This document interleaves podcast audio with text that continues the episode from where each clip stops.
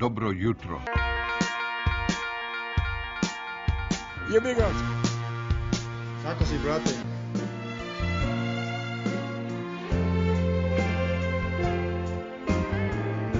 Bilo lepo.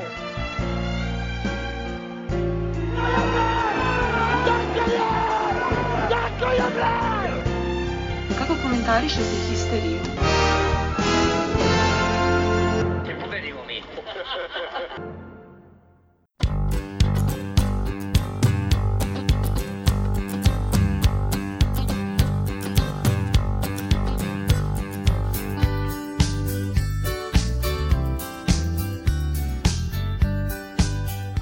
Pozdrav histerikalci, sezona 3, epizoda 28, ponovo kafanski, odnosno ispred kafanski zvuk pod ka zracima sunca. Jedva smo se skupili, konačno smo se skupili, do duše ovaj, imamo neke probleme da se okupimo u, u punom sastavu, ali nadamo se, bliži se ta jubilarna 30. epizoda, pa ćemo valjda svi da, da se pojavimo e, na snimanju ono što je najbitnije, nova epizoda, novi povratnik. Marko Jeftović se vratio u Partizan posle 3,5 godine u Turskoj i u Kataru. Dobro smo prošli na crno-belom kvizu i to je isto bitno reći. E, za početak imamo jednu razglednicu iz Badalone, tri karte za Juventud, Borivoje Šurdilović i ekipa, da to saslušamo pa ćemo na finiš priprema i jednu vrlo zanimljivu i događajima ispunjenu nedelju kakav Partizan. Kičanović, da vratim istoriju, da sve može da se ponovi, bilo bi mi krivo što nisam bio igrač i trener Partizana. Jer sam onda video razlike u ljudima, u lojalnosti, u dobroti, u kvalitetu i svemu ostalom.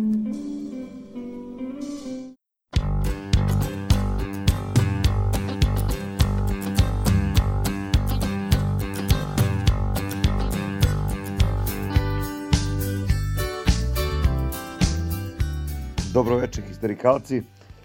Ja sam Mirko za prijatelje i poznanike Šurda.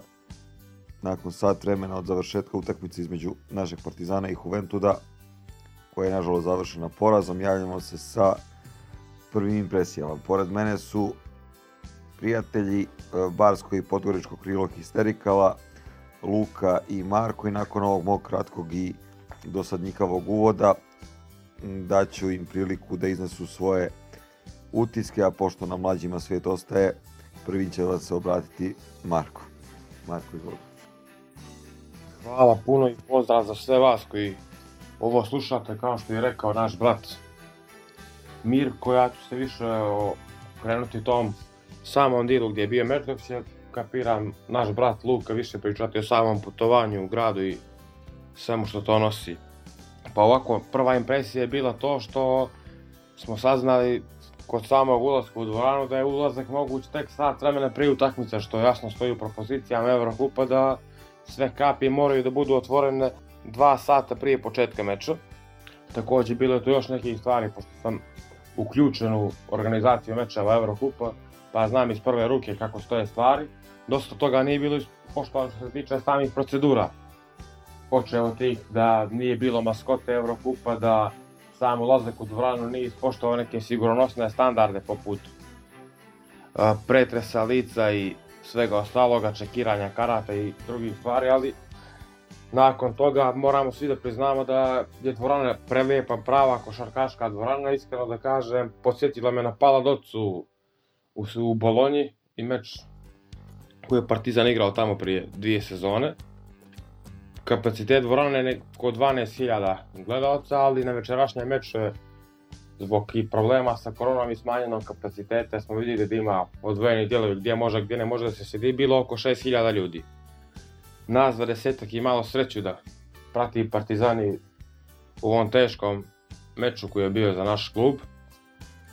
Očekivali smo iskreno svi mnogo više, prije svega kada je u pitanju da se da neki maksimum za dres koji ti momci nose, ali nadamo se da će naravnom toku sezone sve to doći na svoje.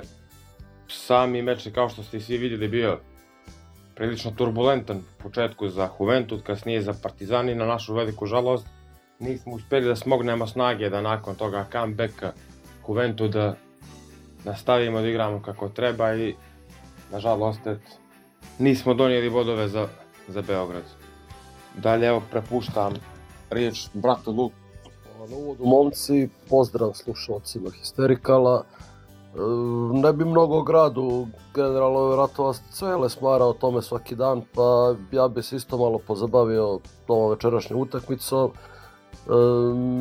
Mirko i Marko, kako to zvuči, Mirko i Marko, kao Slavko i Mirko, ovaj, su rekli ovaj, većinu stvari, ili će Mirko reći kasnije možda još, ovaj, koje bi trebalo da se kažu, ali nekako ostaje utisak i jedno pitanje zbog čega, na primjer, Kopolivica i Glas uopšte nisu večeras igrali, ali to ovi vaši stručni saradnici Lemi i slični mogu da nam odgovore na to pitanje vjerovatno u vašem sljedećem podcastu.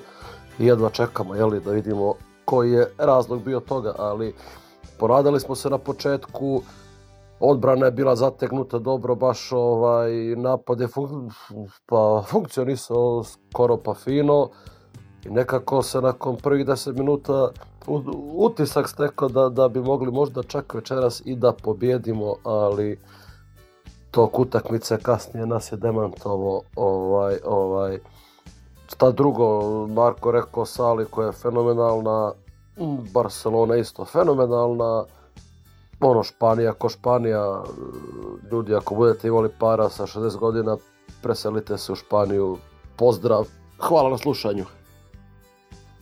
nakon ovih istrpnih izlaganja, kvalitetnih izlaganja, ovaj, nije mi ostalo nešto naročito mnogo da, da kažem, ali bih samo dodao par nekih crtica koje bi mogle možda da vas, da vas interesuju. Dakle, e, što se tiče recimo marketinga, e, marketinga samog e, Juventuda kao kluba u samoj hali postoji shop koji je prilično dobro snabdeven raznoraznim sitnicama i e, ono što je moj neki s druge strane negativan utisak je da recimo nije rađen program za e, za ovu utakmicu, čak mislim da nisu sigurni ni šta zapravo programi predstavljaju, a takođe nije mogla da se nađe ni kvalitetna ulaznica, već se sve svodilo na a, ovaj očitavanje kodova putem preko telefona ili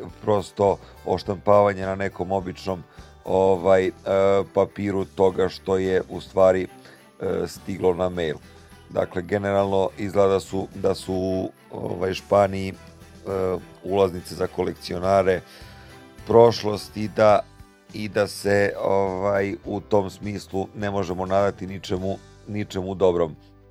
Valja napomenuti da su oko nas, a i generalno u kompletnoj hali, e, klasični ljubitelji košarke, tu ne postoji nikakva, da kažem, ultra grupa, niti bilo šta što bi moglo da se nazove navijačima u smislu u kome mi to u kome mi to poznajemo, prosto ljudi vole vole svoj klub, prate, prate igru, povremeno se oglase, a ono što mi je upalo u oko da je jedini incident ovaj izbio mm, nakon, nakon skandiranja mm, druge grupe navijača Partizana vezano za, za Kataloniju koja je u Španiji ili nije u Španiji kako god ovaj mislim da je to generalno nešto što nije bilo potrebno samo isključivo iz razloga jer je podiglo kako halu na noge koja je do tad bila prilično miroljubiva, tako i mislim igrače Juventuda na,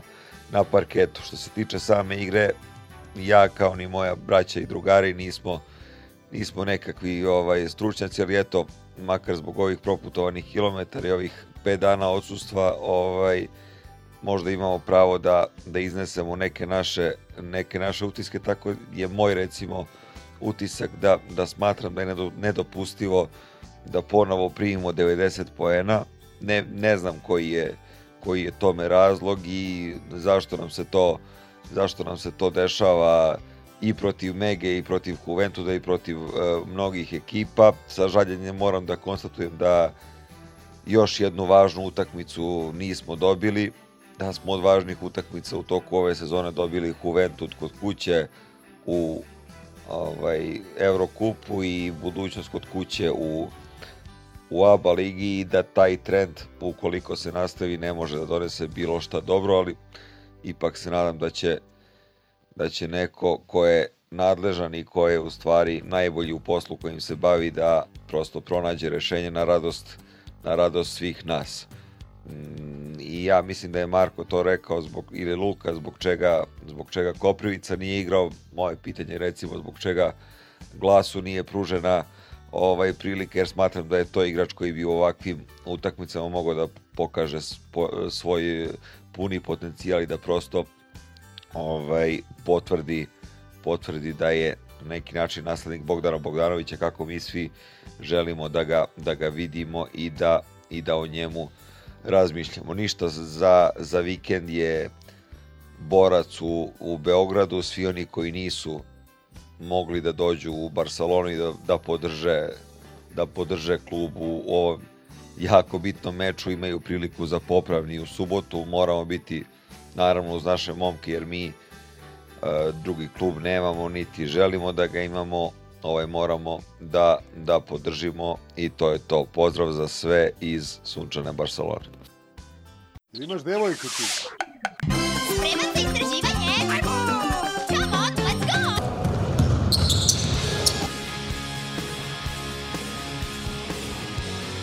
Just gonna go out, get my blood, sweat, and tears.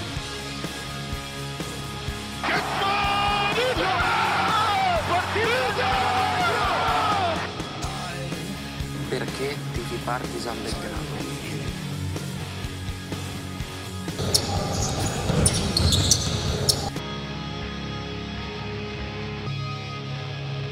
Mogu samo još nešto da kažem o ABA ligi.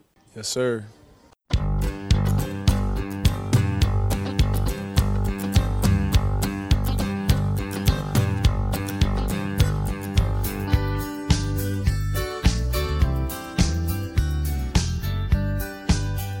Milenko Jingle. Mislim da je u redu da krenemo od košarke, pošto je juče na izlazu iz pionira jedno 15 ljudi pitalo kad će nova epizoda. Izvoli Milenko. Šta smo imali od prethodne epizode? Imali smo to nesrećno gostovanje u Badaloni i ovu juče utakmicu kojom ne možemo baš da budemo naj, najzadovoljniji.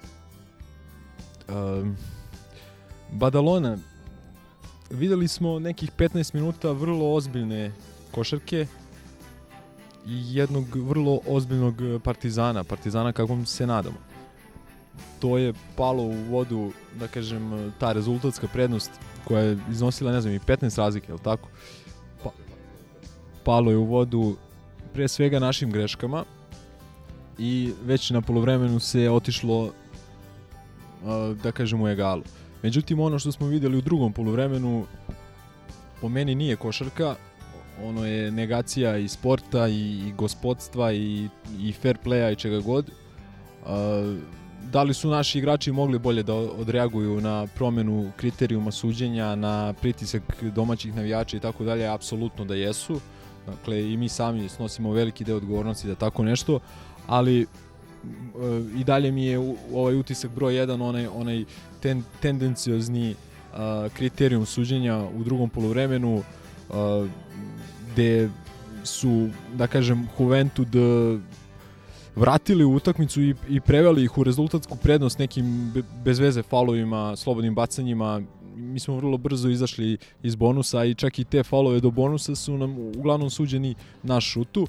A, dok sa druge strane puštena je jedna vrlo ono oštra igra, igra na, na ivici faula koji nikako nije bio dosuđen osim kad je Lesor recimo u situaciji da, da, da njega pošalju na liniju penala tako dalje jednostavno isekli su nas a, po mom mišljenju uh, ovaj uh, gospođa Panter, uh, onaj Poljak i ne mogu setim ko je bio nacionalnosti treći sudija. Ma nije bitno koje nacionalnosti, nego da je suđenje bilo da. katastrofa. Su... A, da, uvek, što da ne. Ovaj, ali, ali... Ovo se stuvili. Da. A, Mislim, ne, ne pravim nikakav alibi i kažem opet, morali smo bolje da odreagujemo i ovaj, kako se zove, stvarno je velika žal ostaje jer mislim da smo imali priliku i mislim da, je- da je ostao kriterijum suđenja iz prvog poluvremena da bi drugačije se pesma pevala. Ovaj, par igrača je pokazalo i da kažem i neki voljni moment i šta ti ja znam.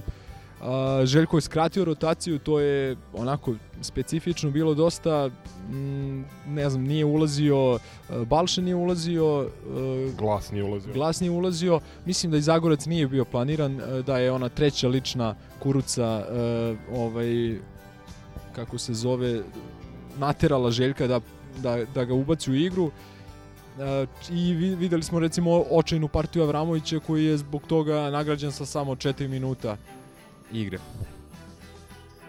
Ja sam se prevario pa pustio znalce prvo da pričaju, ovaj, samo da kažem par mojih ovih laičkih utisaka. A ok, počelo kao što reče Lemzi, onda je krenulo po zlu krenuo onaj pritisak a, a, koji smo videli prošle godine u, u Badaloni. Tako sam tu negde sredinom druge četvrtine ugasio ton da bih a, negde a, kod prve ledeve tehničke ugasio prenos. Jer bilo mi jasno gde to ide, a, bilo je već, već nacrtano. To nije opravdanje za nas i moramo da se nosimo sa takvim pritiskom. Ali ono je stvarno e esencija svega što nije košarka. Znači ono je, ono je kao Čovićev klub. Eto, to je to je, ovaj, jeste, pobegao sam sa bojišta, ali jednostavno izgubljene bitke, ne, ne vredi bacati nerve, idemo na sledeću. Ovo što si rekao je jako bitno zato što je suđenje kako je viđeno u, u trećoj četvrtini kad je olimpijska dvorana u Badaloni pretvorena u svinjac, suđenje koje možemo da očekujemo, ja se bojim, u završnici ABA lige i suđenje koje možemo da očekujemo na svakom susretu protiv. Čovićevog kluba 2. E, neki moji utisci, ajde, u ovom prvom krugu. Prvo, ovo, o, znači, ne da su pretvorili utakmicu u svinjac, nego su je pretvorili u šeherezadinu priču koja traje više od dva sata. Mi, mi smo u drugom satu ušli u, u treću četvrtinu i nije delovalo ni da je blizu. Onda ona teatralnost sa e, tefterčetom i hemijskom olovkom gde ona kao gleda snimak i zapisuje šta se dešava. Mislim da je prebala i Lamoniku i Sančeza Sančeza i, i, i sve ostale slavne, slavne prethodnike. Ali ajde ovako, da, da ne bude suđenje glavni utisak, ja moram da kažem da smo uprkos porazu mi odigrali po meni jednu vrlo solidnu utakmicu, čak mislim da je prvo poluvreme bilo jedno od boljih naših poluvremena ove sezone i mislim da je e, pre svega prva četvrtina i polovina druge da su bile u pravom evroligaškom ritmu. Govorim na obe strane terena i to je delovalo meni vrlo ohrabrujuće. U tom trenutku sam očekivao da ćemo uspeti da e, da kažem da ostanemo u kontroli utakmice i da ćemo ostvariti ono čemu smo se svi nadali. To je, između ostalog, i u najvećoj meri posledica ove skraćene rotacije koju si ti Milenko pomenuo, jer je Željko očigledno vrlo jasno htio da se osloni na igrače koji su najiskusniji, koji su najsigurniji i da, ovaj, pošto s druge strane ima pre svega jednu vrlo kompaktnu igranu ekipu, da na čist kvalitet individualni koji mislim da je na našoj strani da utakmicu uvede u, u, u neku mirnu završnicu. Međutim, desilo se ono što čega sam se ja privojavao, što sam o čemu sam pričao u prošloj epizodi, a i prethodni put kad smo imali Juventud kao jednu od tema, nekoliko hiljada Branka Lazića je jednostavno uvelo i, i, i naše igrače i sudije u nervozu, u tuču, u jedan pravi ono hispano hrkljuš i pokazalo je valjda svima ponovo zbog čega navijamo protiv Španaca u svakom sportu u svakoj mogućoj situaciji. Meni su ovi sada, ali bukvalno su zbog onog ponašanja su mi se popeli na listi ono najomraženijih odmah iza svih Čovićevih franšiza. Znači tu su mi pri samom vrhu i sa zadovoljstvom ću navijati protiv njih u svakoj prilici. E, dve fusnote. Samo da dodam, i Katalonija Španija.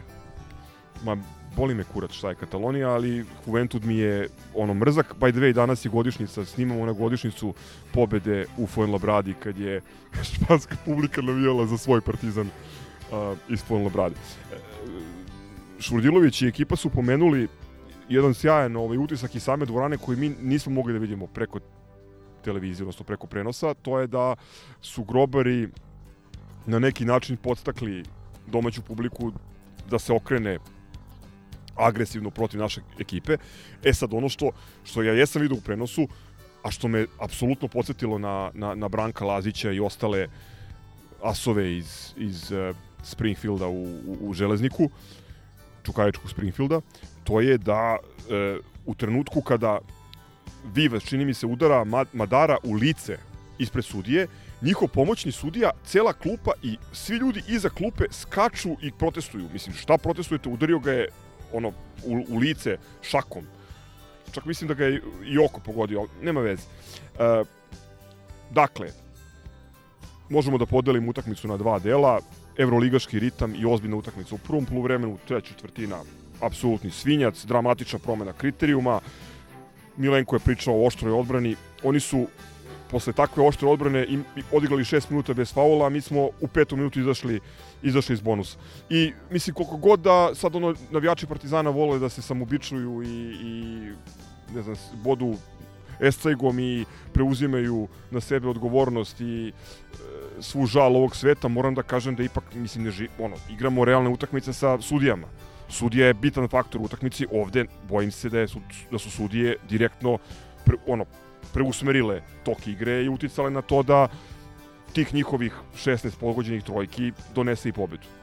Moram samo da se ubacim da malo ovaj, repliciram, ja se ne služam sa našim drugarima koji su imali sreće i nesreće da budu tamo, a to je da, kao ajde, isprovocirali su i grobari, pa nisu bili grobari prošli put. Pa je vrlo slično bilo ponašanje, tako da to Pravo ne stoji. si, vrlo je slična utakmica i tamo smo imali 15 razlike, znači pre, to je Šćipanovićeva uh, Prva utakmica, utakmica, tako prva- je, prva tako je. utakmica. Tu smo isto imali 15, s tim što su nas tu tu nas je nervoza i publika i sudije su nas prelomile malo bliže finišu, a ovde je praktično u tej četvrtini rešena utakmica. Tako je i, i znate na koju me suđenje podsjetilo utakmicu na onu sa tau keramikom uh, majstorica uh, četvrt finala ovaj Tiago Splitter i ekipa kako su Pekoviću sudili faulove i tako dalje. Crk je pomenuo tehničku ledeju prvu. Prva jeste bila, ali zato on je bio isprovociran jer nije suđen faul, ali druga tehnička koja je isključujuća, ja ne znam, stvarno me zanima kako i na osnovu čega su oni čovjek on je čak nije bio razdvajao. blizu On trenutka i razdvajao. pro- ono, ono mesta gde se dešavao sukob i razdvajao je. To smo videli posle u, mislim da je neko izdvojio na mrežama snimak baš tog dela. Da, to sam čak i ja video posle. A gospođa je gledala snimak, imala je plajvaz i beležila je šta je ko radio. Mislim, Pa kako isto- je videla tehničku tu? Isto ja, ja da li sad, ni- nisam 100% siguran, ali čini mi se da nisu čak ni pokazali reprizu režiser onog faula na Panteru na kraju treće četvrtine. A Mi nismo imali pojma da li je i kada je faul bio napravljen i tako dalje. Ono za bacanja.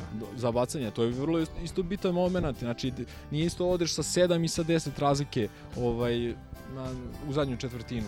Uh, šta sam još hteo da kažem? Uh, meni se čini da smo mnogo bolje suđenje imali čak i u prvom duelu sa, sa, sa ovim Čokijevcima ove sezone. Znači, o, ovo ja stvarno, mislim, opet kažem, sve se slažem da smo mogli bolje i tako dalje, ali ovako tendencijozno, tende, tendencijozno suđenje stvarno nisam video ove sezone u Evropi i mi moramo da radimo na tome. Ja sam to već pominjao. Znači, klub mora. Pominjao sam i posle onog Letka Belisa u Beogradu i posle Hamburga u gostima. A, ne može, mislim, i- iskreno nisam ni očekivao da neko Željka Obradovića ovako, da kažemo, džepari. To, znači, stvarno Ja nisam sam očekivao, nažalost, posle Ja Beograda i nisam. posle komentara Ribasovih Jer oni su osjećali... Ovo je baš bilo njih je vrlo, bezobrazluk. njih je vrlo frustrirala ona utakmica u Beogradu. Ja sam očekivao da nam oni to naplate na neki način, ali nisam očekivao da će to biti ovako drastično. Pominjao si koliko je trajala utakmica. Da, to je jedan od osnovnih onih, eh, da kažem, eh, pokazatelja... Crvenih zastavica. Jeste, jeste. Znači, ako traje preko dva sata, to nije bila dobra utakmica. Znači, nije bila dobra utakmica ili nije bilo dobro suđenje. A kad nije dobro suđenje, ne može im da bude dobra utakmica. A, bili su mi zanimljivi komentari nekih stranaca, recimo prvo poluvreme oduševljeni, pričam po Twitteru, po, ovaj, po internetu, oduševljeni, u, ovo je evroligaška utakmica, ovo je ovo, ovo je ono, kao ludilo, najbolja utakmica u Evropi ove Ali sezone. Nikolić je bio oduševljen, egzaltiran, malte ne. Ove, dobro, ajde od njega i da očekujemo, ali kažem baš stranci, znači stranci, ono ne znam, neki Španci, o, pa čak i Hrvati, ovaj, i tako dalje. I onda dođemo ono drugo poluvreme i onda samo dodatni komentar, ipak nije, ipak nije. tako je, svima jasno o čemu se radi. Ovaj, op, moramo da kažemo i da je Juventud uh, dobra ekipa, kvalitetna ekipa, mnogo tu ima iskustva, taj Vives koji nam je dao dve trojke ono sa jedne noge i to on, čovjek je, on je ili igrao Euroligu ili igrao za Valenciju koja je dolazila u finale Evrokupa ili osvajala i tako dalje. Znači uvek igrao ozbiljnu takmičarsku košarku. Ovaj Juventud je bolji od 3-4 evroligaške ekipe iz ove sezone, bez problema. Bolje Žalgirisa, Panathinaikosa, šta ti ja znam. Znači, moramo da budemo svesni da smo igrali protiv kvali- kvalitetne ekipe. Meni je drago što razlika, a mogla je da ode i na 20 razlike ovaj, u minus ovaj kako je teklo ono krajem treće pa i u četvrtoj četvrtini. Meni je drago što smo pokazali izvesnu reakciju. Tu pre svega bih pohvalio i Madara.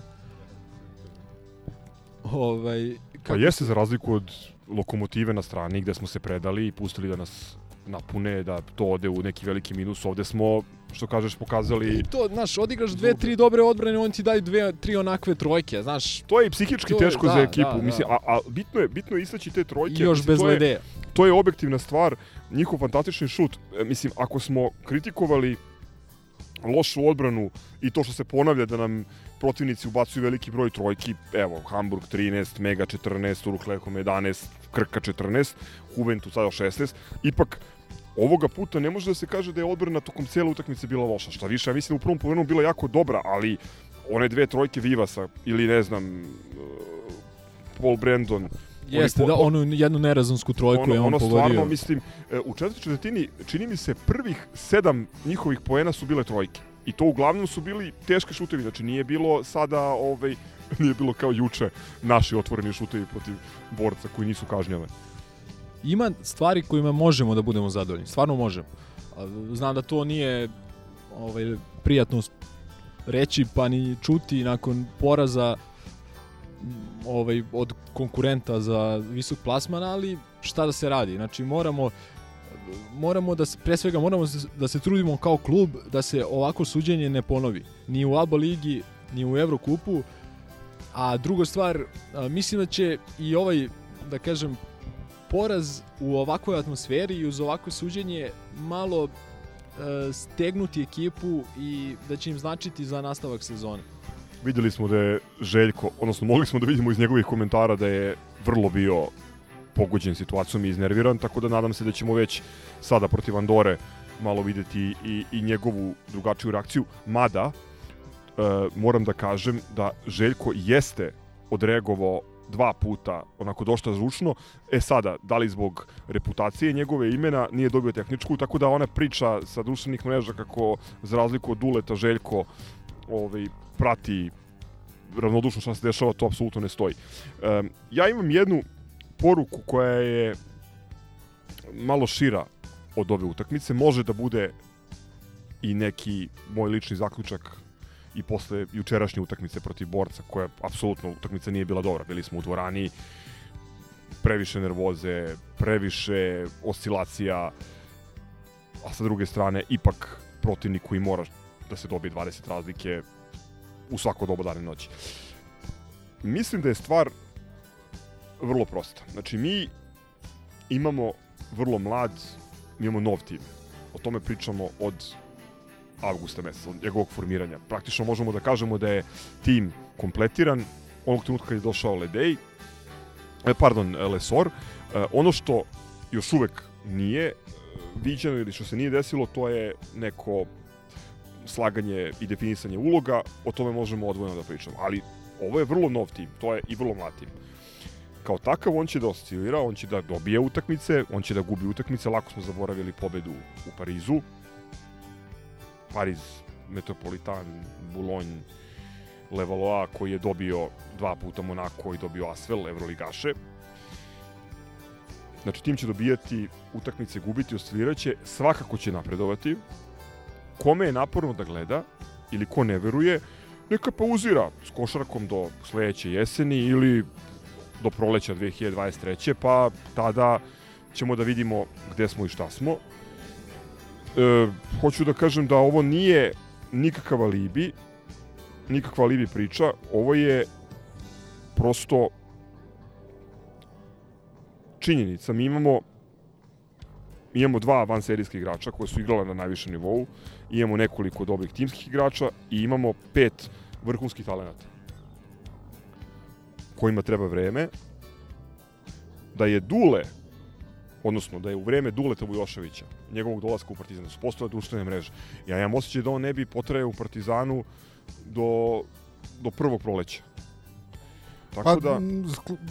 da, kad tako kažeš, potreo bi, jer siguran sam da Predrag Saša Danilović ne bi instalirao Twitter pa da čita budalaštine koje pišu. Ovaj, Govorimo ali, o ali, ali, negativne atmosfere Da, pored- ali što se toga terena. tiče a, i to a, šta pišu ljudi po Twitteru, to je stvarno ono, naježim se. Mislim, ja iskreno nisam video taj, te komentare koje si ti sad spomenuo, ovaj, zato što sam je taj Twitter edukovao, ali mislim, ovo, ljudi, ja sam, a, i to sam ranije pričao, sad mogu da kažem, zastupam a, svoje i, i, i takođe ovaj, mišljenje doktora Ikca, a to je, ljudi, nije uopšte nacrtano da ove sezone uzmemo bilo šta, formiramo tim. Ima uspona, ima padova, jeste sada lošije delujemo nego pre par meseci, ali nemojte to što je došao Željko i što smo doveli, ne znam, Ledeja i, i Pantera, to ne znači da mi napadamo Evrokup. To znači da mi igramo u tom Evrokupu, ali uopšte, mislim, ko je rekao da mi to sigurno dobijemo? Ljudi, saberite se. E, ali vidiš šta je, šta je problematično? Problematično je što ćemo, na primjer, ako u sredu ubedljivo pobedimo Andoru, kao što smo razvalili Hamburg, ponovo će ti isti ljudi koji sada su glavni generatori loše atmosfere i da kažem pružaju materijal zlonamernim portalima da provlače ekipu i, i najboljeg gerovskog trenera, to, na to uvek moram da se vratim kroz blato. Ti isti ljudi će da... da Trenutnog trenera. Tome. Da. Vrlo je, vrlo je jednostavno. E, društvene mreže, e, još jedan utisak, jako bitan. Milenko, mi smo bili juče zajedno na utakmici. Nije bio pun pionir, ali je bila jako lepa atmosfera. Uprkos nervozi, lošem razvoju situacije i tako dalje. Publika je lepo reagovala na dešavanje na parketu, pratila je igru s puno razumevanja, ljudi su onako ponašali se kao partizanova košarkaška publika. Razlika od tog, između tog utiska i utiska na društvenim mrežama je neverovatan. Možda čak i veći uh, između utiska koje bi čovek dobio o Aleksandru Stanoviću i futbolskom klubu i onoga što se dešava na tribinama stadiona. A, ali svodimo to pod, pod istu priču. Da. E, ne bih Pravo rekao si. isto, ali slična je. Ovde, Vrlo slično, da. Znaš kako, ima, imaš ljudi koji imaju i dobru nameru, stvarno dobru nameru i sad kritikuju jer eto, nemam pojma. Ali opet moram im kažem, svaki trener Partizana mora da ima identičnu podršku, ali ne može svaki trener Partizana da ima isto poverenje. Meni je smiješno sad ljudi pričaju da nije trener Željko, da je trener ovaj, a da igramo ovako, kako bi bilo? Pa dobro da, ali uh, kako, kako bih rekao, znaš, ako, ako nešto u životu se ponavlja nekoliko puta i ako iz toga Ali- ali izvlačiš to je- neki to je onda... Besmislica u momentu kad je taj izrekao ili napisao, jer da, trener je Željko Obradović. Da li Željko stvarno Obradović misliš... koji mogu da ode u bilo Da. koji klub Ne, Evrope, ne govorim o tome, Bitno je, vrlo ne je bitno, govorim o bitno. emotivnom momentu, govorim jednostavno o momentu da li ti stvarno misliš da znaš bolje od Željka Obradovića. O tome govorim. A, meni, meni smeta još jedan komentar koji vidim da se sve češće provlači, a to je da k- kako navodno Željko sada sam sebi pravi alibi, jer sve češće pominje ovo kako imamo najmlađu ekipu, kako nigde e, nema ovoliko mladih igrača da, ovaj, u, rotaciji i tako dalje. Znači, da li stvarno mislite prvo da Željko Bradović treba ono alibi? Meni to stvarno nije jasno. Da li on deluje kao čovjek koji je kroz karijeru, koji je karijeru napravio kroz alibi priču? alibi od anonimnih. A druga, druga stvar, druga stvar. Ja se dobro sećam, a m- mrzi me sada preslušavam te epizode, ali mislim da smo mislim da smo pizdeli uh, i u Trinki sezoni, onoj pravoj koja je nažalost prekinuta, da smo pizdali na komentare ljudi kako ima previše stranaca, Nema kako, igrača. kako nema domaćih igrača, kako je previše isluženih igrača, kako nema tu prostora za neki napredak ovo. Znači, ja ne znam, ajde da napravimo, ne znam, ono, trenersku komisiju, Trinkieri, Vujošević, Obradović, Ne, nego i da tri- dojedemo tri 36 random lika igrača. sa Twittera da izaberu Ne, ne, da do, igrače. 30, 36 igrača da dojedemo i da ih menjamo onda po utakmicama, 12, ono, 12, prvi prvi 12, drugi 12, 13, treći 12 i da probamo da zadovoljimo ljude. Meni stvarno nije jasno, znači, e, morate da, moraju ljudi da shvate da glas do, do pre par meseci igrao u dinamiku. Znači, njega nisu htjeli ni Split, Krka, Borac, šta ti ja znam. Da Balša Koprivica nije igrao profesionalnu košarku do pre par meseci. Uh, da ima tu igrača koji nisu koji su iz prošle sezone nose taj neki veliki teret i psihološki i tako dalje i koji realno ne, nisu opravdali očekivanja. Ali to je Že- Željko već prošao recimo u Fenerbahče u prve sezone, nije osvojio ništa. Karšijaka je osvojila titulu Turske. Zamislite da, ne znam sad, Igo Kea osvoji ABA ligu. To, tog ranga. Uh, nije prošao, čini mi se, ni u četvrtfinale. Da, ispao je onoj, kako bi već sad, da li top 16, top 8 grupa, kako je već bilo tada. Nema, znači, nije prošao u četvrtfinale Evrolige. Mislim da mu je i Efes uzeo kup Turske. A, pa jel, šta, jeste videli komentare e, turskih navijača prethodnog leta kada je došao u Partizan? Jeste videli podršku koju Željko dobija? Znači, on je napravio sistem. Znači, pitajte bilo kog navijača Fenerbahča da, da li se Fenerbahče nije ne seća postojao se. kao Pa košarkaški klub, kažem. mislim, pre Željka. Kao ni Partizan u nekom uh, bitnom smislu u prethodnih par sezona sa izuzetkom te sezone sa Trinkierijem. Juče je bio sjajan dan iz više razloga, ali i dobar trenutak da se malo osvrnemo i da se setimo da smo dve godine ranije imali ono fantastično gostovanje u, Barst, u Bolonji, pardon, koje je bilo praktično ono pred pandemijski ispis ovaj, i uvod. Izvini, vidio sam juče fantastičan komentar. Kaže, ovaj, neko je retweetovao baš kako se zove tu utakmicu i kaže u fazonu kao "Št- šta ti je prokleti grobarski život dve godine na, nakon više bi voleo da smo izgubili. Zbog rade to. ne, ne, ne, u smislu da ne budemo prvi, pa kao ako je preki sezone da ne pada toliko teško. Lakše znaš. bi podneli. Lakše, da. Šta sam teo da kažem?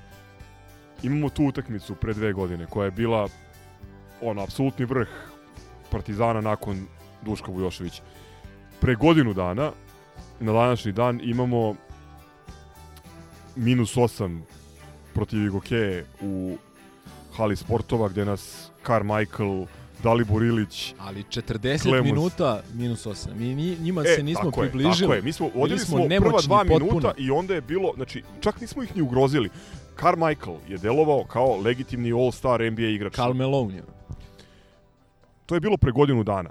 Tako da ljudi, ono, malo mm, a, otrežnjenja, malo osvešćivanja, malo e, od početka pričamo, mislim, malo svedenije očekivanja, malo malo realnijih očekivanja. Ovo je mlad tim, osciliraće, nastavit će da oscilira, vidjet ćemo gde će nas to odvesti. E, Milenko je rekao jako bitnu stvar, nažalost, meni isti ljudi koji su mi u Trinkjerijevoj sezoni pričali kako je skandal što Partizan nema ni jednog mladog igrača za reprezentaciju i za prodaju, mada ne znam kakve su to prodaje u košarci, pošto nije ih bilo baš previše u istoriji.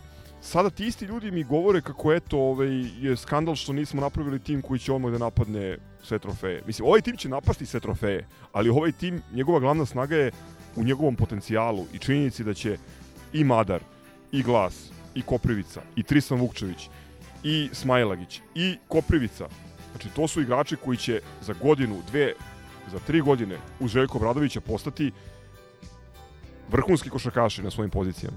Pa ja sam le, letos rekao, mi ako pogodimo sa pola ovih talenata, jer dati šansu mladom igraču je uvek neka vrsta rizika i kocke. Ali ako pogodimo sa pola od tih četiri, u tom trenutku smo imali četiri, pet, a sad smo doveli Tristana ovaj, i tako dalje, mi, mi smo ono u boli uh, jackpot. Opet kažem, ajde sad, mislim, mi smo pružali podršku i pružat ćemo, mora da se prizna da ovo, u ovom trenutku ne delujemo baš najbolje. Očekivali smo bolje. Da, oček, realno smo očekivali bolje. Ja sam e, pričao posle one lokomotive, dakle pred kraj prošle fiskalne godine, al tako? Ovaj, da nas čeka mesec dana u Beogradu, treninzi, lak, lakše utakmice i tako dalje i da ja očekujem najbolji partizan negde u ovom periodu, to se nije desilo i ja moram sad to da istaknem, ne bi bilo fair da ne istaknem ovaj, i isto ono što sam nekoliko puta i napominjao, pa mi posle mi se učinilo da možda i nisam bio u pravu oko rotacije, da nam je nekada dobro došlo to što imamo 12, 13, 14 igrača u onim momentima kad su se pojedini igrači e, zarazili koronom. Sad opet sam negde utiska da je prevelika rotacija, pogotovo na tim pozicijama e, krilnih igrača, da jednostavno ne, ne znam šta je poenta, mislim, poenta je da je Željko dao svima šansu, i da su svi imali više nego dovoljno prostora i vremena da se Ali sada istaknu. mora da reže i da Sada mora. definiše uloge. I, I ovo u Juventu, u, bože, u Badaloni protiv Juventu da ovo uh, rezanje rotacije, to je indikativan pokazatelj uh, za Na dalje. koga može da se osloni. Sledeći će da bude kup u Nišu, da vidimo ko će od stranaca bude preko, prekobrojan, na koga se manje računao u odnosu na ostale. Juče u, u rotaciji nije bilo uh, Zagorca i Mura, Ovo drugo je posebno interesantno. Da. Bilo je, bilo je planirano, to je Željko rekao da Tristan dobije minute, nažalost, takva je bila utakmica da nismo smeli da se kockamo. Znaš. Meni se baš svidjela izjava Željkova posle utakmice da je planirao da ga ubaci, ali da ne bi bilo fair prema njemu jer je tako se razvijalo. Da, ali bi- bilo je pametnjakovića koji su i to okrenuli na glavačke i E, ajde se ne bavimo tumačili Meni kao se, meni se Livija. Duletova izjava. koja E, to nisam čuo. uh, koji je rekao ono što sam ja rekao pre možda još dva mjeseca i što sam upravo pomenuo. Dakle, uh, Željko daje svima šansu, on je nasledio neke ugovore i uh, sve ovo što sada gledamo je neka vrsta selekcije Željkove, da će sledeće sezone to biti 100%, 100% Sljedeća Željko. sezona TM. Jebi ga, šta će. Ali to će, hoću da kažem, to će da bude 100% Željkov tim. Dakle, neće igrati ni jedan igrač za koga on uh, smatra da jednostavno da treba da bude u Partizanu. Uh, I to je to, znači, mislim, to je i logična izjava, nije, nije izmišljena topla voda, ali u principu e, lepo je videti Duleta koji e, sa razumevanjem, da kažem, brani svog kolegu i koji je tu na utakmicama, jer svi znamo i koliko najjači Partizana vole Duleta i koliko je cene njegovo mišljenje. Eto, više u tom nekom pravcu. Pravo si. Možemo da pređemo lagano na, na tu utakmicu sa borcem. Mislim, ja sam rekao da ono nije bilo baš sjajno gledati na licu mesta. Žurnalovim rečnikom Aleksa Vramović pobedio svoje. Milenko ja smo imali jednu interesantnu razmenu posle Juventuda, baš na temu organizatora igre.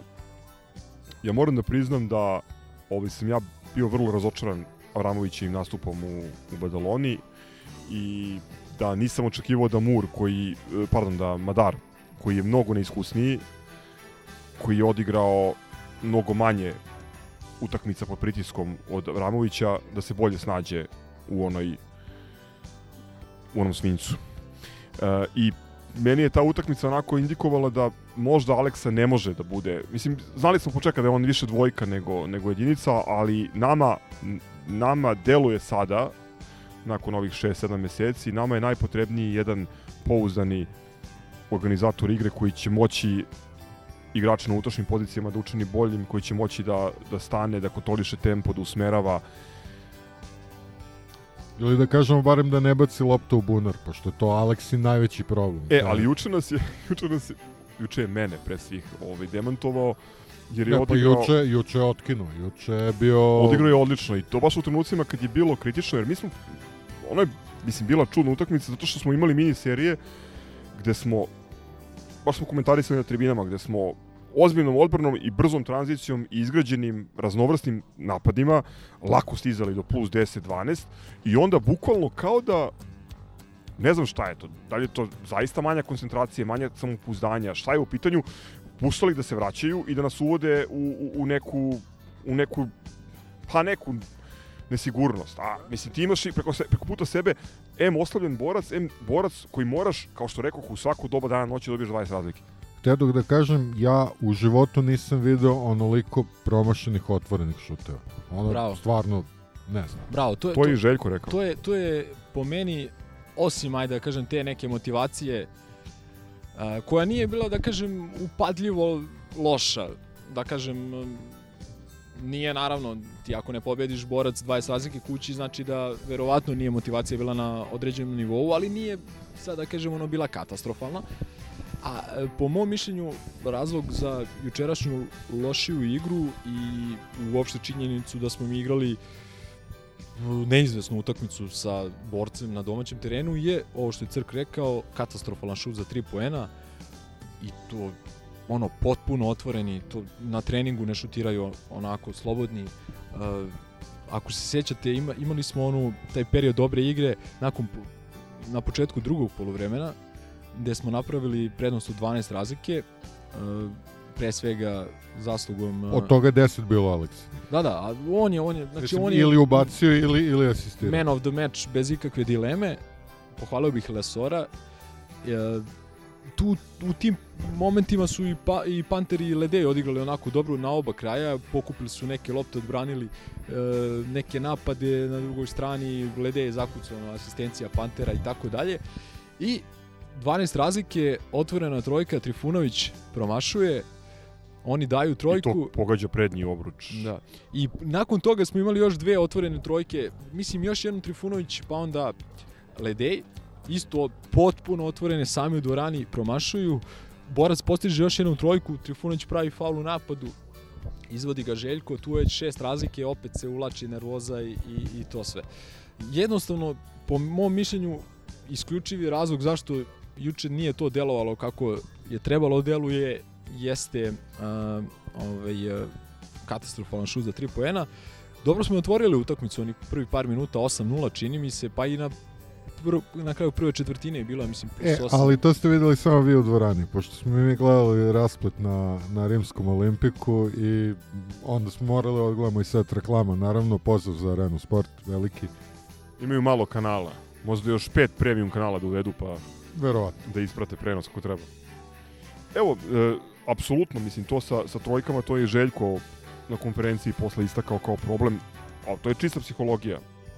Evo, Panter 3-0, Ledej 3-0, ok, Aleksa 7-4, Dangubić 2-0, Glas 6-1, Trifunović 4-0, Madar 3-0.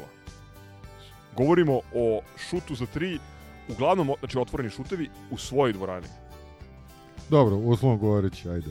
Ovaj, Pa dobro, treniramo tu, nije Neko, neko je lepo napisao na. Twitteru, izvinjavam se pošto se ne sećam ko, ali kaže idealno bi bila a, što se trojke tiče a, samopouzdanje koje ima Dangubić i, i, i, i Kurucov šut. bez karakterističnog izbačaja iz ramena. Što se tiče Kurca, deluje malo bolje u posljednje vreme. To je Željko primetio Delo je, i prvo- krenuo je dve utakmice sa njim na Prvo nikog nije ubio u. Badaloni, što znači da se malo stabilizovao. Ali opet vidi, to u Badaloni dobro krene, odigra dobro, napravi na početku treće četvrtine bez veze faul. Ne, ne, ne, kažem nikog, ga, nikog nije ubio. Napravi to je- još gluplji to- četvrti sad- faul u bonusu. E, ali malo su ga uzeli, malo je ono why, why me, malo su ga uzeli na zub. Juče dva faula Posebno izmišljena. drugi, posebno Izmišljena drugi faul je nemoguće. Čovjek je ukrao loptu i ono već smo imali po, lake poene u kontri napadu o- ovaj uh, Radojković čini mi se sudi, sudi čovjek je izmislio faul nigde nigde nije bilo jebote. Ono kad, kad je provokao loptu, da, ono nema šanse. Onaj faul u napadu što je svirao, da ono nije To faul. nas je baš na Boga. tribinama. Što bi rekao naš drugar Crni Roko, mora Željko u pravim trenucima da mu gura led u gaće. to je problem sa njim. I, i stvarno je jebena je misterija zašto ne uzima više šuteva, zašto preskače one šuteve. A šta mi je posebno interesantno, vi ako vidite, kod njega se lopta uopšte ne zadržava vrlo brzo daje, on, on čak jedini koji ne carini loptu, jedini, isključivo on, ali zato, zato sve to dobro što uradi kroz to, onda poništi sa ono kad treba da šutne trojku, on Pa ne, odluči da ne. mnogo napade upropastio gde je on u prethodnim utakmicama, gde je on potpuno sam, gde je to kraj napada, on onda doda, zakomplikuje jer vreme ističe. I... E, ali mislim, ovo što je Milenko rekao, da je to, da je to bitno naglasiti, Kuruc deluje dosta bolje i to i Željko prepoznaje i dao mu je, dao mu je ulogu u prvoj petorci. On je juče imao pet asistencija. On je juče, čini mi se, najbolji asistent ekipe. Ovaj, Odlično kapira igru i kao što sam rekao, on, on ne carini loptu, uh, shvata koliko je bitno da se lopta kreće. Vidite, obratite pažnju na to. recimo. Ima još, još dve stvari koje sam primetio, uh, jednu juče, jednu u Badaloni, odnosno u prenosu iz Badalone. Juče uh, komentarisali smo na par preuzimanja, to su one sekvence kad smo dobro igrali odbranu, Kuruc, koji je vjerojatno poslednja osoba, zato što je prepaljen, ono, preložen, od koje bi očekivao da usmerava odbranu, je par puta ima dara i e, čak i Dangubić je, čini mi se, usmeravao na preuzimanje, odnosno preuzimao je preuzetog igrača i postavljao je odbranu e, onako kako je Željko to želeo, što, što nije bio slučaj ranije, dešavalo se da izađe da ne zna šta Željko očekuje da se igra u datom trenutku. To je recimo jako dobra stvar. I druga stvar koja mi je, ovaj, um, koja mi je pala u oči u Badaloni, e, drugi poen njegov, čini mi se, e, igra leđima. To ne koristi dovoljno, a vidi se čovjek s takvim, s takvim fizikalijama, s tolikim rasponom ruku, posebno, znači, kad igra na tri, kad se spusti, to je ogromna prednost Partizana i to mora da se koristi. Ja mislim da se to čuva za playoff i za završnicu sezone. Pa dobro, mora da vežba malo to Pa vežba, ja sam, ekipa. Znači, ja sam siguran da, da se to radi na treningu i, i znajući Željka koliko on insistirao, recimo Kalinić je voleo na toj poziciji tako da eksploatiše u Feneru, ja sam siguran da on takođe vidi tu potencijalnu prednost i da će to, to koristiti kad dođe vreme. kad smo kod školovanja na niskom postu, samo da kažem ovi da mi je Lesor, e, neću kažem otkrovenja, ali oduševljava me tim ovim rolinzima i tim mini, mini, minijaturama na, na niskom postu i tu vidim ogroman, ogroman napredak u odnosu, a neću da poredim kad je igrao ovaj, u Čukajičkom Springfieldu, nego čak i u odnosu na Monako.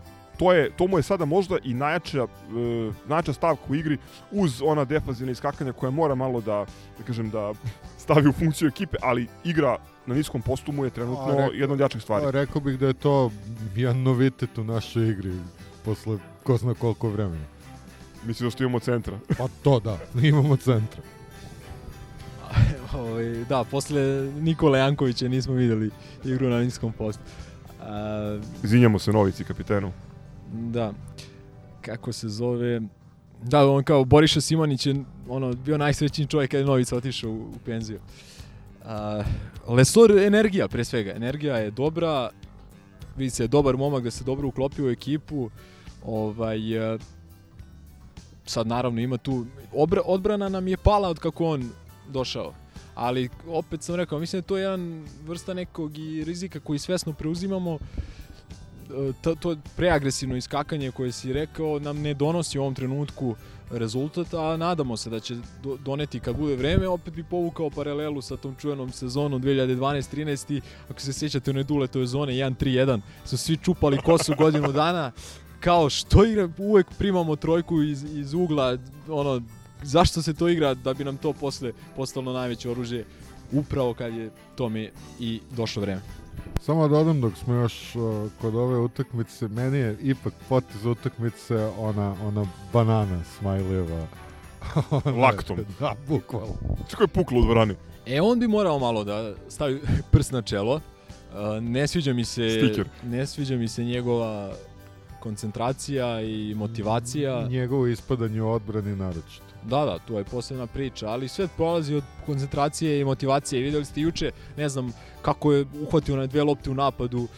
Znači, mo, može kad hoće. Znači, No, no, tu- kao ispred zgrade je bilo. Da, da, bukvalno. pa, a setimo se prve utakmice u Čačku gde on postigao, ne znam, 18 pojena za kucavanjem, recimo. Ja sam pogrešio, ja sam očekivao da će uh, i on ili Dej, ali on pre svega, kada bude došao Lesor, da danu dušom i da će početi da igraju stvarno dobro, ono što, u čemu su najbolji, međutim kod njega vidim vidim određenu krizu.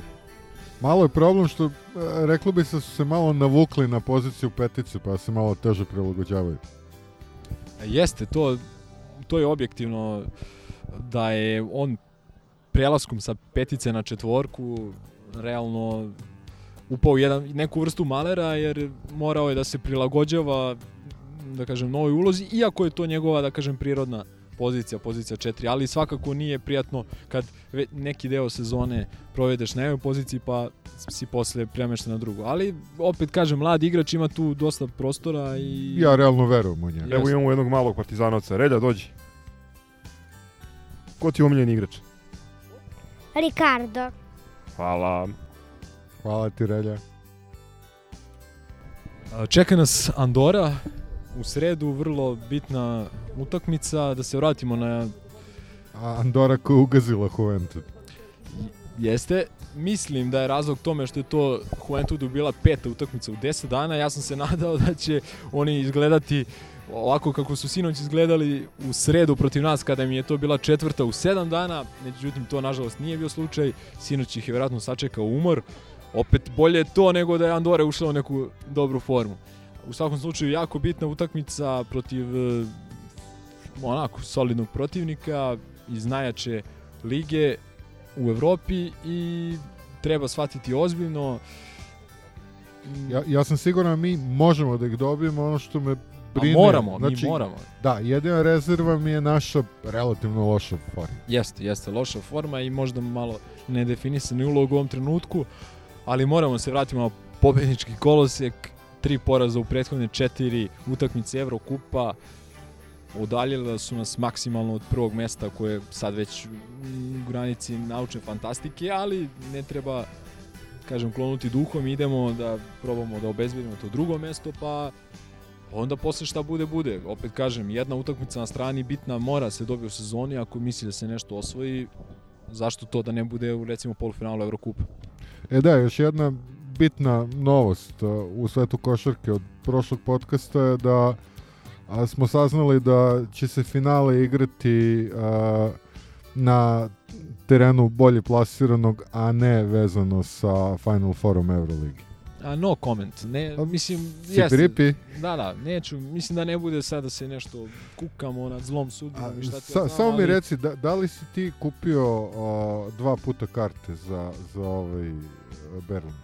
A, nisam, ali sam A kupio ti si jednom, jednom ali nisam kupio, otišao, nisi da. bio. A Ja sam kupio dva Šef je kupio dva puta i nije bio. Ja sam najbolje prošao jer sam dva put kupio karte i na kraju sam bio protiv Albe, tako da, a sve zbog, a, a, naravno, legendarne organizacije kupa a, ovoga Ču- Čuktiraš ili kako se već a, to kaže i ovaj i zbog tih promjena termina, pravila posjeti se ono pre pa da li ta ili, ili, ili sezona kasnije kad se nisu znali tačno kriterijumi za prolaz ovoga Final 8 ili šta je već bilo. Ja sam rekao pre dve ili tri emisije, čini mi se da me ne bi uopšte iznenadilo da bude doneta odluka da niko od učesnika Evrokupa ne prolazi u Euroligu, što je potpuno okej. Me, men, meni je to i, i drugo da, da eventualno ako se nešto zakomplikuje da se pobednik uh, Evrokupa određuje seci peci peci ili tako nešto. Ja želim da uzmemo evropski trofej, nebitno kako se zove i mislim Ne, da ne, je krajnje svakako, vreme da se to svakako, mislim, mi da igramo FIBU, ja bih goreo da uzmemo trofej, ali mislim, ajde vidjet ćemo. Lem, jel imaš nešto na svom terenu? Odmahuje glavom, ne možete to da, da čujete, ne možete ni da vidite. Krče mi creva, ona govore umesto, umesto mene. Dobro, mala pauza, džingl pa futbal. Danas je nedelja i ja idem na utakmicu.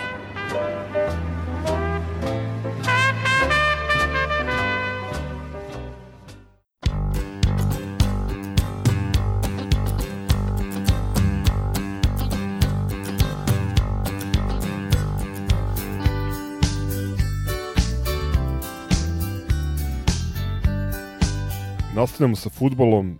Kao što rekoh u uvodu, glavna vest za ovu epizodu je povratak Marka Jeftovića. Hashtag naša deca. Pa i jeste, a i nije. Jeste u smislu da da je povratnik, nije naše dete. Pa nije ni Fejsa, ali on potpada pod hashtag naše dece. A po meni ovo je odličan potez, ne znam šta vi mislite. Ja se slažem. Meni nije najbolji igrač, i, ali može da doprinese i Nosi, name, nosi nameštaj, zahvalan tako timski je, igrač. Tako je, tako je. I domaći igrač. I moram da kažem, mnogo mi je draže čak i da vratimo te naše e, ovaj bludnu decu i šta ti ja znam i ove povratnike nego da dojedemo Mićka iz Čukaričkog ili tako nešto. Apsolutno. Što tiče Mićka, neću se izjašnjavam, ali ovde ove što tiče Jestovića, mislim nema tu nekog spektakla, ali znaš šta možda očekuješ. Ono što je bitna razlika od ostale naše dece, ali u onom u pešativnom smislu to što je tri i po godine igrao negde, što je u, u dobrim godinama, u dobroj spremi, evo juče je odigrao i prvu utakmicu i mislim da će vrlo lako da se uklopi u, u naš sistem. Nema tu sad nekog spektakla, mislim jeste davao u Turskoj neke jako lepe golove, ali znaš, ono, siguran timski igrač, proverena priča i imam jedan ličan razlog zašto mi je drago, pošto mislim da će ovo doprineti da Jojić bude daleko od pozicije zadnjeg veznog, a verovatno i Smijanić od prvog tima. Pa me, meni se čini da, da ovaj Jojić prelazi napred, naročito povredom Pantića. Sigurno, sigurno. A realno o, bolje na toj poziciji. Daleko korisnije.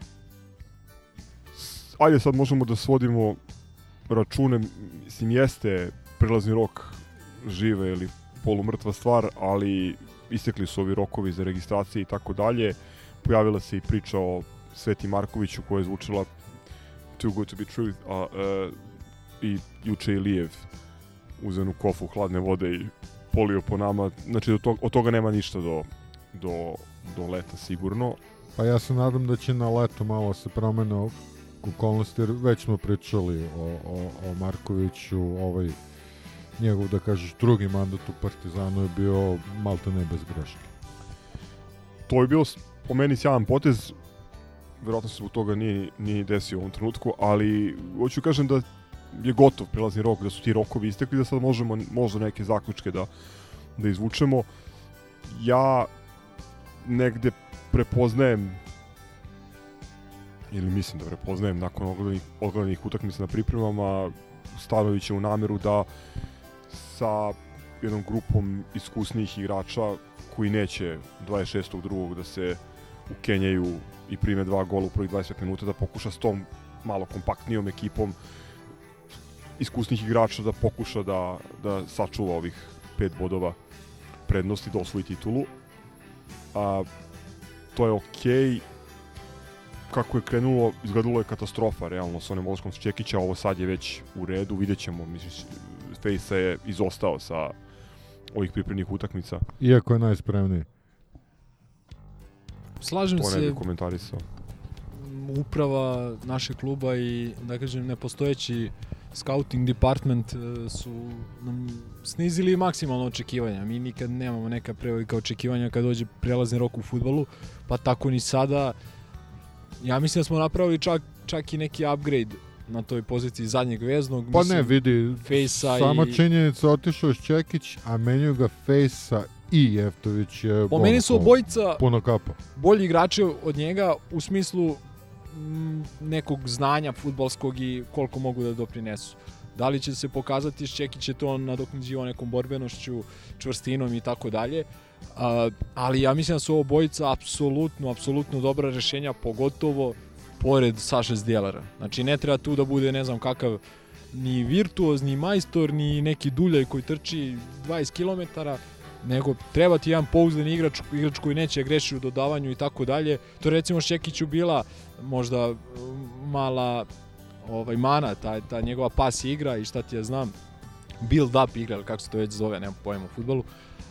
Mislim da tu Fejsa, pogotovo Fejsa, sa onim njegovim dugim loptama, poprečnim, ono, Sigurno. menja stranu, ovo ono, mislim da vrlo me zanima kako će da deluje to, ovaj, recimo Fejsa Zdjelar na, na zadnje vezdu. Da li će uopšte to biti kombinacija koja će koristiti. Ja sam očekivao da ove poslednje pripremne utakmice u Beleku daju odgovor na to pitanje, ali ali nažalost Fejsa nije, nije nastupao. Mislim da si Milenko upravo ukazao na ključno pitanje, to je ili ključnu stvar, ključnu pretpostavku našeg uspeha ovog poleća, to je kako će Zdjelar izgledati, mislim, ja ne sumem u njegov voljni moment i kvalitet daleko bilo, on je apsolutno što je utakmica protiv, pre svega protiv ovaj, Dinama iz Moskve pokazala, on je apsolutno najbitniji igrač Partizana, tu nema nema trunke sumnje, ali njegova neka eventualna povreda ili daleko bilo neki ne, ne, neka suspenzija, to će, to će otvoriti još pitanja. Htio sam da kažem samo, e, jeste ovaj, urađen naboric sa ova dva pojačanja, a, ja mislim da bi za malo sigurnije proleće ili izvesniju titulu da, da bi nam značio jedan igrač na ofanzivnim veznim pozicijama, igrač koji može potezom da reši važnu utakmicu. To ono što su Leonardo i Suma radili. I recimo igra u proleteru iz Slane Bare. Ja bih volao da smo doveli jednog štopera, da li Svetu Markovića ili nekoga, mislim da tu nam fali, boga mi, i brojnosti i kvaliteta na toj poziciji. Ovo sve što imamo igra bolje od očekivanog i možda od realnog, a to nikad nije dobra ona kako se početna pozicija, znaš. I, tako da ovaj mislim da smo tu morali da pokažemo malo više ambicioznosti i, da pokušamo pronađemo nekog iskusnog štopera, nemam pojma. Uh, 32-3 godine koji je igrao seriju A pre 7-8 godina, nemam pojma. Znači može to da se nađe i mislim da bi značilo dosta. Vidjet ćemo što će biti i sa bekovima. Interesantno recimo da Miljković nije odigrao ni minut pripremnih utakmica, Obradović nije odigrao ni minut pripremnih utakmica u Turskoj. Uh, to je onako... Obradović je valjda povređen, da. Da, on je bio na nekom specijalističkom pregledu. A šta je sa Miljkonom? Pitam za Vilija. Miljkon navodno trenira odvojeno. E sad šta je razlog, iskreno da budem ne znam, ali nije, nije uopšte nastupao Živković je odigrao svaku utakmicu. I to me sad uvodi, ovaj, odnosno dovodi do, uh, do priče o pripremnim utakmicama do one pete koja je ostala otvorena nikad nije došlo, ali ove dve jake provere koje smo imali su vrlo, vrlo dobro urađene i moram da kažem, posebno ova utakmica protiv Dinama iz Moskve koji je u ovom trenutku svega dva boda iza Zenita i vrlo je aktivno u borbi za, za titulu. Meni je ta utakmica delovala jako ozbiljno. Mislim, jeste igrana na nečemu što liči na gradilište, ali Partizan je delovao zaista odlično. E, Uz izuzetak te dve početničke greške koje su dovele do, do dva, dva gola za, za Moskovljane, ali se ukupno posmatrano šanse generalno kako smo stali na terenu, mislim da je poraz od 2-1 nezaslužen. Ne znam, jesi ti gledao Crle? Ne, ja sam je nažalost preskočio. Ove, ja sam gledao ovaj Batumi juče. I ovaj fina utakmica i mislim sva tri gola su sjajni. Ovaj sa a, dve natkove asistencije gde je ova druga savršena, a ni ona prva ne zaostaje. Iz prve, sa- bez gledanja. Da, sa, sa Terzićevim sjajnim golom delinkvent se vraća a, sa onom sjajnom reakcijom Ricarda kod drugog gola i onim nevjerojatnim zekinim balonom od koga je sve počelo, onaj dosta netipičan centaršut i realno ne bi ni trebalo, nije ni trebalo da damo taj gol jer je a, sve počelo od Uroševićevog dodavanja glavom pored čoveka koji je statirao tu ovaj, i onda onaj treći gol Super Smederevca koji je fantastičan. Čovjek je oteo loptu i, i rutinski je sproveo gol. A, nadamo se da će imati mnogo više minuta i da rastereti Ricarda i onda se formira, to će biti igrač, to je, to je očigledno. Dinamo Batumi, stari znanci iz kupa pobednika kupova. Dinamo Batumi našeg Milana Radina. Da, da, da, našeg Milana Radina koji je čak i pominjao se u nekim opcijama posle, posle ovaj odlaska Šćekića, ali eto, gledali smo ga u, u dresu protivnika na ovim pripremama. Generalka. Ja moram da kažem da mi je Dinamo iz Moskva i zbog snage objektivne ekipe i, i zbog situacije na terenu da mi je ta utakmica koju smo izgubili mnogo onako ulila više e, samopouzdanja, ali ovaj treći gol Milovanovića koji si pomenuo, moram da ga moram da se osvrnem na njega. Jedna e, mislim kao Matori dao gol, ajde realno. Znači Da, da, kao da ima 30 godina. pri čemu je oprilike, sve, sve je delovalo savršeno. Prvo, ono, anticipacija gde će lopta da prođe, njihov stoper, Ukrajinac neki, Jablan, je promašio, mali ga je, mali mu je ušao u liniju kretanja, zagradio ga je, izneo ga je na, na leđima, što apsolutno nije, nije jednostavno, i onda je sačekao da golman padne i plasirao u bliži ugao loptu. Kao, kažem, kao da ima 28 godina i ne znam koliko stotina utakmica ozbiljnih iza sebe, koje je rekao Aleksandar Mitrović. E, samo da ponovim onaj skeč koji juče niko nije ukapirao, pa da ga raširim, da ga više ljudi ne shvati, a to je da je Partizan juče igrao protiv 11 Vilija. Protiv 11 Vilija. Mislim zato što je najčešći sufiks prezimena u Groziji Vili. Da, ja sam teo da kažem A, je da, jevo ti, ja sam- rekreat, da, da. re, rekreatašvili.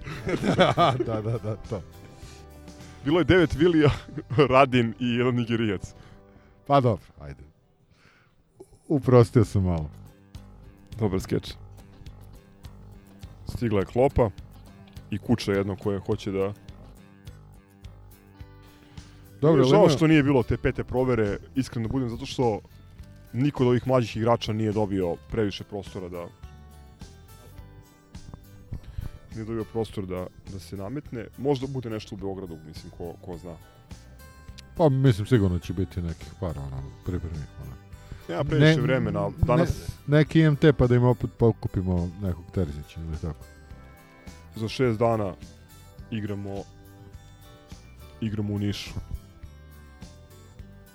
To je bilo to.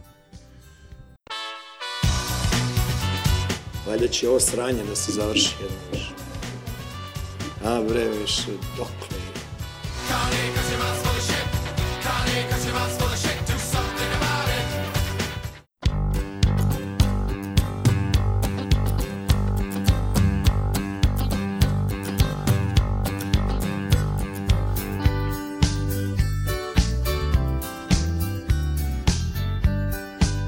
Svaka čast ako ste izdržali do ovde, prelazimo u poslednji segment emisije, to su naše stalne rubrike. Za početak, kutak za ništa sporno trenutak. Nema još takmičarskog futbala, ali moramo da primetimo da je kuhinja krenula da radi. Napolju je sunčano, zvezdino proleće je stiglo nekoliko, nekoliko nedelja ranije pre ovaj kalendara. A Surijska komisija Futbolskog saveza ima novog člana.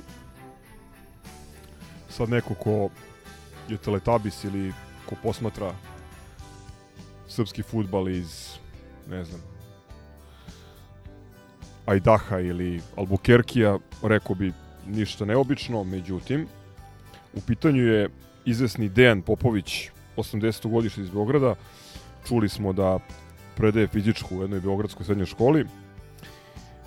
A inače, ovaj, internet ga pamti kao sudiju koji je dobio poklon od zvezde pre početka utakmice. Imate, možete googlate naslov samo u Srbiji, sudija dobio poklon od zvezde pre početak meča, a sve se odigralo u krajnje nevjerojatnom momentu. Svet futbola je redko vidio ovakvu situaciju, to je bilo 2. decembra 2017. godine. Inače, dotični sudija se povukao iz futbola, a onda naprasno vratio i eto, ni manje ni više nego direktno u, u komisiju koja će da ocenjuje suđenje i da delegira delegira delioce pravde ili nečeg drugog na utakmice drugog dela Recimo, sezone. recimo da je to drugi poklon koji je dobio od Crvene zvezde. E, moram da vam pročitam, e, ovo mi je fantastično. Način na koji je jedan od popularnih portala, neću da ih reklamiram, objasnio o kome se radi, pošto naravno Marko Popović, što bi Milenko rekao, dosta generičko ime. Dakle, ovo je citat. Doskorašnji arbitar povukao se pre tri godine sa futbolskih terena, iako je pripadao grupi sudije u naletu. Spremnik da u doglednoj budućnosti drže regularno superligaškog takmičenja na visokom nivou. Onaj u, a, uplakani ganuti smajli sa Vibera. Generički tekst za generičko ime. Ništa, ako vas interesuje više lik i delo Marka Popović 80 iz Beograda, upotrebite Google. Objave. Svašta je stizalo, ali moj apsolutni favorit, moram da kažem, za, za ovu epizodu, naslov sa B92 sporta, Zvezda zaustavila Armani na 7 poena. I dala 8, koliko već. Pa da, odnosno nije rečeno da je rezultat 8-7 i da je u pitanju zvanično najneefikasnija četvrtina u istoriji Euroligi. A dobro sad, u te detalje u sitnog srepca ulaziš, mislim. Zanima me jako što Milenko misli o tome što je Zvezda zaustavila Armani na 7 poena. I na četiri bacanja, to sam upravo saznao. E, pa znaš kako, a to je ono kad novinari izvuku neki naslov koji je tačan, ali koji je toliko Van konteksta. van kon, potpuno van konteksta. I ovaj i ne znam, ovo što je Crk rekao je meni možda i bitnije. Oni imaju takvo suđenje da jedan Armani šutne četiri slobodna bacanja protiv njih, od toga dva su bila nakon tehničkih grešaka, a nama se dešavaju ove situacije kao u Badaloni. Tako da moramo malo i mi da razmislimo o tome. Prst na čelo. Sledeća objava je danasova rekapitulacija našeg prelaznog roka koji je, jel te, živa stvar. Inače, tekst je pisala naša, aj, kažem, prijateljica, vrlo draga, ovaj, no, i odlična novinarka, sad, da budemo potpuno iskreni, Olja. Ali je, su lansirane dve sintagme koje su mi genijalne i koje želim da, da podelim sa vama i mislim da zaslužuju da se prime i malo šire. Te sintagme su iskusni kvaritelji, to su to su dva nova zadnja vezna, nova stara zadnja vezna i Berićetna jesenja polusezona. Mića Berićetna. Berićetna jesenja polusezona, to nisam čuo, ja mislim od 86. Pa tamo negde od vremena sporta i razonude. Eko. Dakle, iskusni kvaritelji i Berićetna jesenja polusezona. E, ja sam apsolutno za to da se taj, taj stari jezik ovaj, vrati u, u sportsko novinarstvo. Jer ovo a, hit foto plus video brutalno bi baš ide na, na kohones. Šta tebi smetaju web writeri? Ja sam baš teo pitan, ti smetaju ove naše engles, engleske reči koje koristimo. A ne, ja sam otvorio ovaj leksikon i već sam stigao od 25. strane te sveske upisujem ove tvoje. Ja tebi, Milenko, želim da odeš u fonoteku, znači u fonoteku Radija Beograd i da izlačiš radio prenose partizanovih utakmica. Da čuješ kako Nikitović kreativno opisuje poteze Pecarskog, na primjer, ili Odija Norisa. Noris je prebacio Vladanko dlanom Stojaković. ruku, loptu kroz obruč. Američki Izvini, profesionalac. Vladanko, Vladanko Stojaković koji a, onu paspalju vrljoku koju baci kad ga fauliraju u napadu za 2 plus 1 a, je redovno zvao to je onaj potez više koji pleni publiku. Meni je ono uvek bilo smešno kako ovi novinari starije kola, kažem ono NBA liga, kaže. Ovaj ili što bi pokojni Boško Đokić rekao NBA nećeš biti angažovan. to je strava. to je strava. Treća objava, ovo je pokupljeno sa smećegrafa, čini mi se, ali pojavilo se na više mesta, sudeći po tome šta su ljudi slali. Slali su različite screenshotove. Terzić, kome je još jednom odloženo suđenje, je izjavio sledeće. Milan kupuje od Zvezde, mi od Bajerna, velikani nas opet uvažavaju. Meni je smešno i to što mu je ponovo odloženo suđenje i zanima me da li je sada opet polomio nogu na skijanju u Aspenu ili je možda na Sudje dobio koronu. ili, ili je na, na onom stručnom usavršavanju na nekom britanskom univerzitetu, šta god. Moramo da ubržavamo, evo, evo su deca, mladi su. E, ovo je strava. Ovo je bilo u poluvremenu utakmice njihove protiv Monaka. Hot Sport, inače, ovaj, o kome nemam ama baš nikakvo mišljenje. Naslov je bio dajte Golden State da se igramo. no comment. E, da pređemo na, na jedan moj lični utisak, to je relativno taze, to je onaj fašistički ispad uh, juče na Waterpolu, znači poznati fanovi Waterpola, Delije Sever su se pojavili na utakmici da bi razmotali parolu koju su verovatno dobili direktno od Udbe i to ništa ne čudi, ne mogu kažem da naši ovaj, navijači nemaju sličnih ispada. Setimo se onoga prozivanja Ščekić jer je igrao protiv uh, reprezentacije Kosova ali ono što mene fascinira je da ja nisam pročitao nijednu reakciju nekog zvezdaša, da kažeš, bilo gde. I to je, to je meni prosto neverovatno. Ajde sad uz ogradu da sam ja dosta njih izblokirao i mutovo i da pola toga ne vidim, ali ajde ljudi, da li ste videli bilo koju reakciju i suprotnog tabora na to?